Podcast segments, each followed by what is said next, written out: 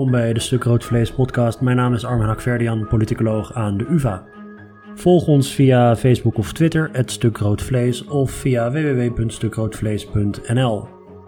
Ik heb afgelopen week nog twee leuke afleveringen opgenomen met Ingrid Robijns over de ware opening van het academisch jaar en WO in actie. En met Rob Ford over de situatie in het Verenigd Koninkrijk. Die zijn allebei terug te luisteren in de podcastfeed. En uh, mocht u dat doen, laat dan ook even een rating of een review achter. Ik uh, waardeer dat zeer.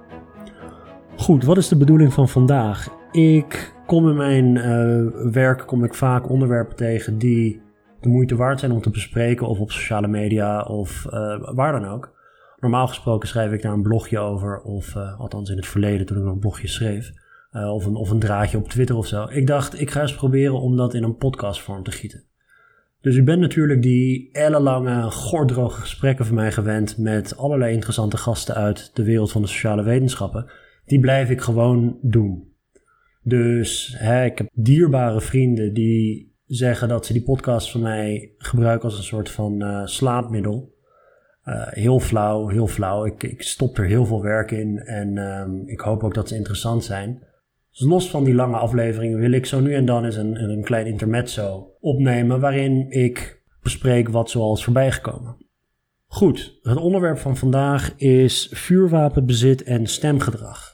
Het zit zo, uh, iedere keer als er een schietpartij is in de Verenigde Staten, en helaas gebeurt dat uh, regelmatig, komt er een bepaald kaartje voorbij, een electoraal kaartje waar ik mij groen en geel aan erger.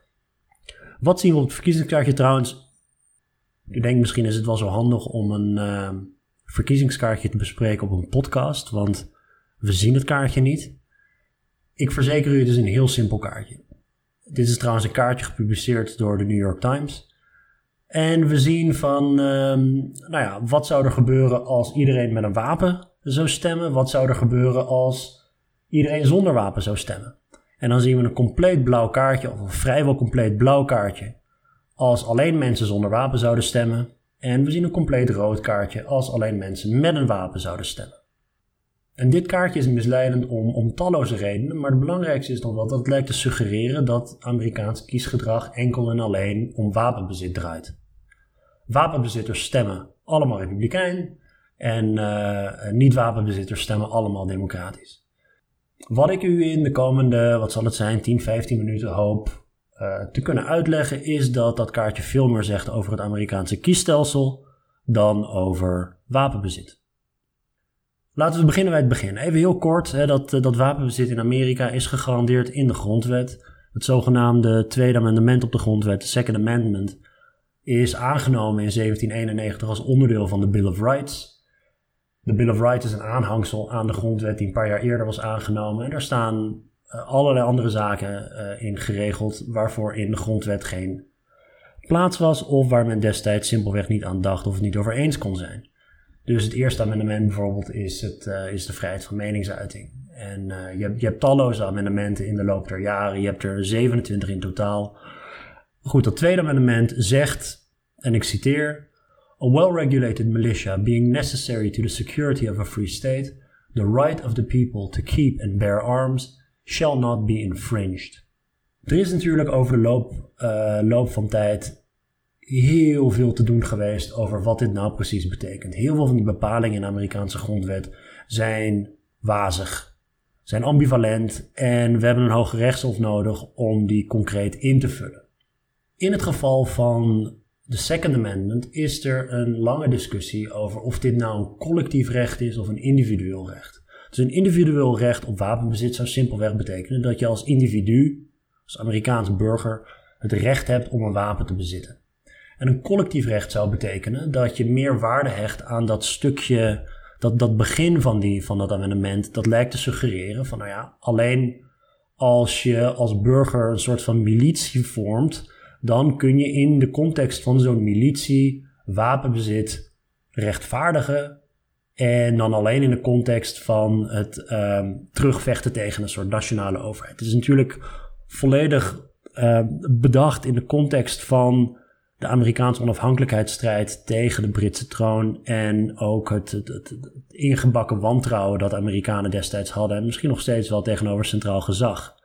Nou, dat individueel tegenover dat collectief wapenbezit Daar heeft het Hoge Rechtshof eigenlijk heel recent pas uitsluitsel over gegeven. In een belangrijke zaak, District of Columbia versus Heller, waarin het Hoge Rechtshof besloot: dit is een recht van het individu en niet van het collectief. Het doel van wapenbezit zou kunnen zijn om jezelf te verdedigen, bijvoorbeeld.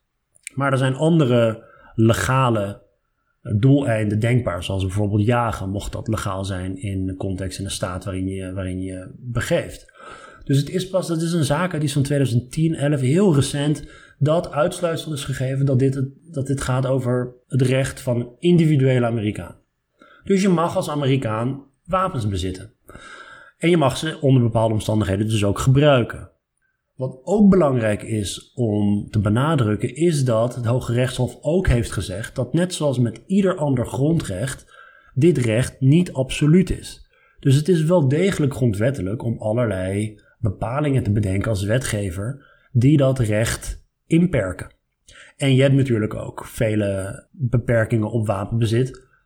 Alleen die zijn op statenniveau. Dus de federale regering heeft heel veel moeite om, uh, om, om wapenregulering er doorheen te krijgen. Vanwege allerlei redenen, ook natuurlijk vanwege de macht van de wapenlobby. En wat je heel vaak ziet in Amerika is wanneer de federale overheid het niet voor elkaar krijgt, dat dan de individuele staten het dan overnemen. Dus recht op wapenbezit betekent niet dat het recht absoluut is. Nou, even een aantal hele simpele cijfertjes om u een indruk te geven van hoe groot dat probleem is van wapenbezit in de Verenigde Staten. Ongeveer 400 miljoen vuurwapens zijn in omloop. En ongeveer 40% van de Amerikanen heeft een wapen thuis. En ongeveer een derde bezit zo'n wapen zelf. Dus het is natuurlijk ook mogelijk dat je in een, in een gezin woont waar iemand anders een vuurwapen heeft. Maar ongeveer een derde van de Amerikanen bezit een vuurwapen. Het is een alledaags verschijnsel in het Amerikaanse leven. De vraag die je dan kunt stellen is: zien we nou verschillen tussen mensen met en mensen zonder wapen thuis in hun stemgedrag? Dus is wapenbezit gepolitiseerd? Nou, daar is veel onderzoek naar gedaan. Het werk dat ik vandaag voornamelijk zal aanhalen is werk van Mark Joslin en, uh, en wat collega's. Ik zal uiteraard linken naar het artikel zodat je het zelf kunt nalezen. Hoe hebben ze dat gedaan? Het is een heel conventioneel enquêteonderzoek. De data die ze gebruiken is van de General Social Survey, een van de belangrijkste sociaal-wetenschappelijke enquêtes in de Verenigde Staten. Die uh, loopt in dit onderzoek van 1972 tot 2012, een periode van 40 jaar. Dus ieder, uh, iedere paar jaar worden een paar duizend Amerikanen worden ondervraagd over allerlei onderwerpen, waaronder ook over hun wapenbezit en over uh, hun kiesgedrag. De vragen die in die enquête terugkeren over wapenbezit zijn er twee. De eerste vraag is of er vuurwapens thuis zijn. En de tweede vraag is of de respondent zelf persoonlijk een vuurwapen bezit. Nou, het algemene patroon dat Jocelyn en anderen vinden is niet bijster verrassend. Vuurwapenbezitters zijn eerder geneigd om op de Republikeinen te stemmen. Maar die relatie wordt steeds sterker door de tijd heen. Dus het verband tussen vuurwapenbezit en stemgedrag was erg zwak in de jaren 70. Het verschil is ongeveer 5 procentpunt. En dat is nu ongeveer 30 procentpunt. Je kunt het ook andersom bekijken. Begin jaren 70 had 54% van de Republikeinen thuis een vuurwapen tegenover 44% van de Democraten. Dat is een bijster groot verschil. Tegenwoordig is dat verschil 49% onder Republikeinen tegenover 23% onder de Democraten. Het zijn dus vooral de Democraten die door de jaren heen zijn veranderd. En dat heeft alles te maken met de toegenomen roep om die wapens een beetje te reguleren. Maar zoals Jocelyn en anderen uh, dus concluderen, vroeger, 40 jaar geleden, begin jaren 70, was er niet bijster veel verschil tussen wapenbezitters en niet-wapenbezitters en tegenwoordig wel. Wapenbezit is onderdeel geworden van de politieke strijd, is gepolitiseerd. Goed, we hebben nu een vrij simpele analyse gedaan, namelijk het vergelijken van twee groepen met elkaar: een groep wapenbezitters en een groep niet-wapenbezitters. Een logische vervolgvraag is: zijn die verschillen nou, ten eerste zijn dat grote verschillen, ten tweede, zijn die verschillen het gevolg van, van wapenbezit of misschien van andere kenmerken?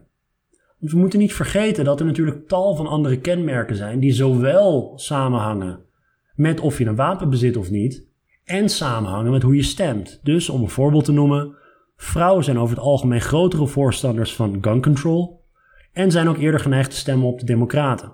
Dus als we geen rekening houden met het feit dat onder de ene groep misschien meer vrouwen bevinden dan onder de andere groep, dan overschatten we dat verband nogal tussen wapenbezit en stemgedrag. En hetzelfde geldt voor talloze andere belangrijke variabelen in een Amerikaanse context, zoals ras, opleiding, leeftijd, ideologie, partijidentificatie, urbanisatiegraad en ga zo maar door. Dus we moeten rekening houden met die andere factoren, zodat we uitsluitsel kunnen geven of dat verschil in stemgedrag komt door het wapenbezit of dat het komt door andere kenmerken. Johnston het al laten zien dat dat verband overeind blijft, wanneer we rekening houden voor al die andere belangrijke demografische en sociaal-economische variabelen. Maar wapenbezit is maar één van de vele verklaringen voor kiesgedrag. Al die andere variabelen zijn ook van belang om verschillen tussen mensen als het gaat om hun kiesgedrag te begrijpen. Ten tweede, als je alleen maar zou kijken naar wapenbezit, laat je meer onverklaard dan dat je verklaart. Dus het is echt niet zo dat het verband tussen wapenbezit en stemgedrag in die enquêtes zo sterk is dat alle wapenbezitters op de Republikeinen stemmen en alle niet-wapenbezitters op de Democraten. Sowieso bestaat er in de politicologie en ook in de andere sociale wetenschappen bestaat er geen variabele die alles verklaart. Kijk, in mijn eigen werk kijk ik vaak naar opleiding. Hè, en of opleiding nou, uh, of, er, of er verschillen zijn, politieke verschillen tussen, tussen opleidingsgroepen. En in deze literatuur zijn we wel eens geneigd om opleiding te zien als een nieuwe scheidslijn en om te zeggen dat er een nieuwe verzuiling in Nederland plaatsvindt. Dit betekent niet dat alle, laten we zeggen, academisch gescholden op een bepaalde manier stemmen en alle niet-academisch gescholden op een andere manier stemmen. Binnen die groepen zijn er extreem grote verschillen. En dat is logisch, omdat opleiding niet de enige verklaring is voor hoe mensen denken over de politiek. Hetzelfde voor dat vuurwapenbezit. Het is maar één van de vele verklaringen voor kiesgedrag. Het derde punt dat ik wilde aanhalen is dat vuurwapenbezit niet eens de belangrijkste verklaring is, vergeleken met al die andere die, die ik zojuist opnoemde.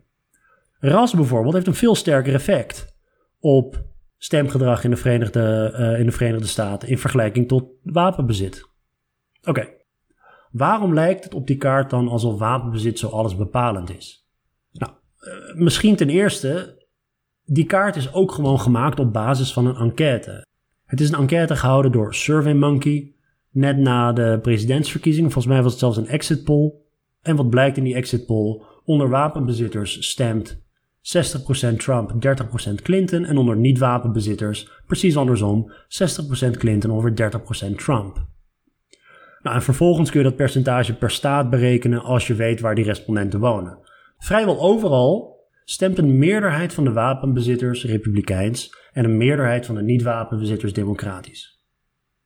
Dus dat verschil, dat algemene verschil voor het gehele electoraat, dat we vonden in dat onderzoek van Jocelyn en het andere en dat SurveyMonkey ook vindt, dat zien we blijkbaar ook als we die per staat afbreken. Nou, wat doet het Amerikaanse kiesstelsel dan? Die kleurt zo'n heel gebied blauw of rood. Blauw voor democratisch, rood voor republikeins. Je krijgt een volle map aan kiesmannen in dat uh, kiescollege voor de president als je een meerderheid haalt in een staat. En het maakt niet uit of je nou met 49 tegenover 51 wint of dat je met 90 tegenover 10 wint. Die schakeringen daar kan het kiesstelsel niet mee omgaan. Het is alles of niets. Als je net een meerderheid haalt, dan krijg je meteen de volle map. Dus in kleurtjes gesproken, je hebt geen tinten rood, je hebt geen tinten blauw, je hebt geen paars tinten. Dus je krijgt dezelfde uh, tint blauw of dezelfde tint rood. Het Amerikaanse kiesstelsel is ontworpen juist om die kleine verschillen die er zijn uit te vergroten. De crux van dat kaartje van de New York Times zit hem in een zo consistent mogelijke spreiding van het verschil tussen wapenbezitters en niet-wapenbezitters. Het zit hem niet in de sterkte van het verband. Dus met andere woorden, en dit komt dus door de werking van het kiescollege, als overal het verschil tussen die twee groepen klein is, maar wel in dezelfde richting, dan krijg je een volledig rode of een volledig blauwe kaart. Zegt het dan iets over de sterkte van dat verband tussen vuurwapenbezit en stemgedrag? Ik zou zeggen nee. Als je geïnteresseerd bent in de sterkte van het verband, dan moet je kijken naar die individuen en die groepen met elkaar vergelijken. Als je wil weten of het een consistente spreiding is, Dus of je het zowel in Alabama als in Mississippi, als in New York, als in Wyoming, nou, noem maar op, allerlei verschillende staten. Als je daarin geïnteresseerd bent, dan zegt zo'n kieskaartje misschien wel het een en ander. En het is ook tamelijk bizar dat de kop van het artikel, dat artikel dat is dus uit 2017, zegt dat nothing divides voters like owning a gun. En dat is simpelweg niet waar. In tal van enquêteonderzoek komt naar voren dat ras belangrijker is. Dus met andere woorden, voorzichtigheid is geboden wanneer je zo'n verkiezingskaartje interpreteert. En helemaal wanneer het al vertaald is naar dat vreemde kiescollege van de Verenigde Staten. Er zijn heel veel variabelen denkbaar die wanneer we die vertalen naar dat kiescollege, die die polarisatie veel sterker neerzetten dan die daadwerkelijk is. In het dagelijks leven is politiek veel meer een kwestie van grijstinten dan dit soort kaartjes doen uh, vermoeden. Het Amerikaanse kiesstelsel is misschien wat slechtste kiesstelsel ter wereld om grijstinten mee aan te tonen. Dus daarom blijkt het net wanneer je zo'n kaartje ziet dat vuurwapenbezit alles bepalend is. Terwijl het een van de vele factoren is die van belang is voor stemgedrag. Goed, wat mij betreft was dat de eerste stuk rood vlees extra. Ik ben trouwens komende week in Glasgow voor een congres over uh, verkiezingen en kiesgedrag en publieke opinie. Het is een congres georganiseerd door de Britse politicologenvereniging.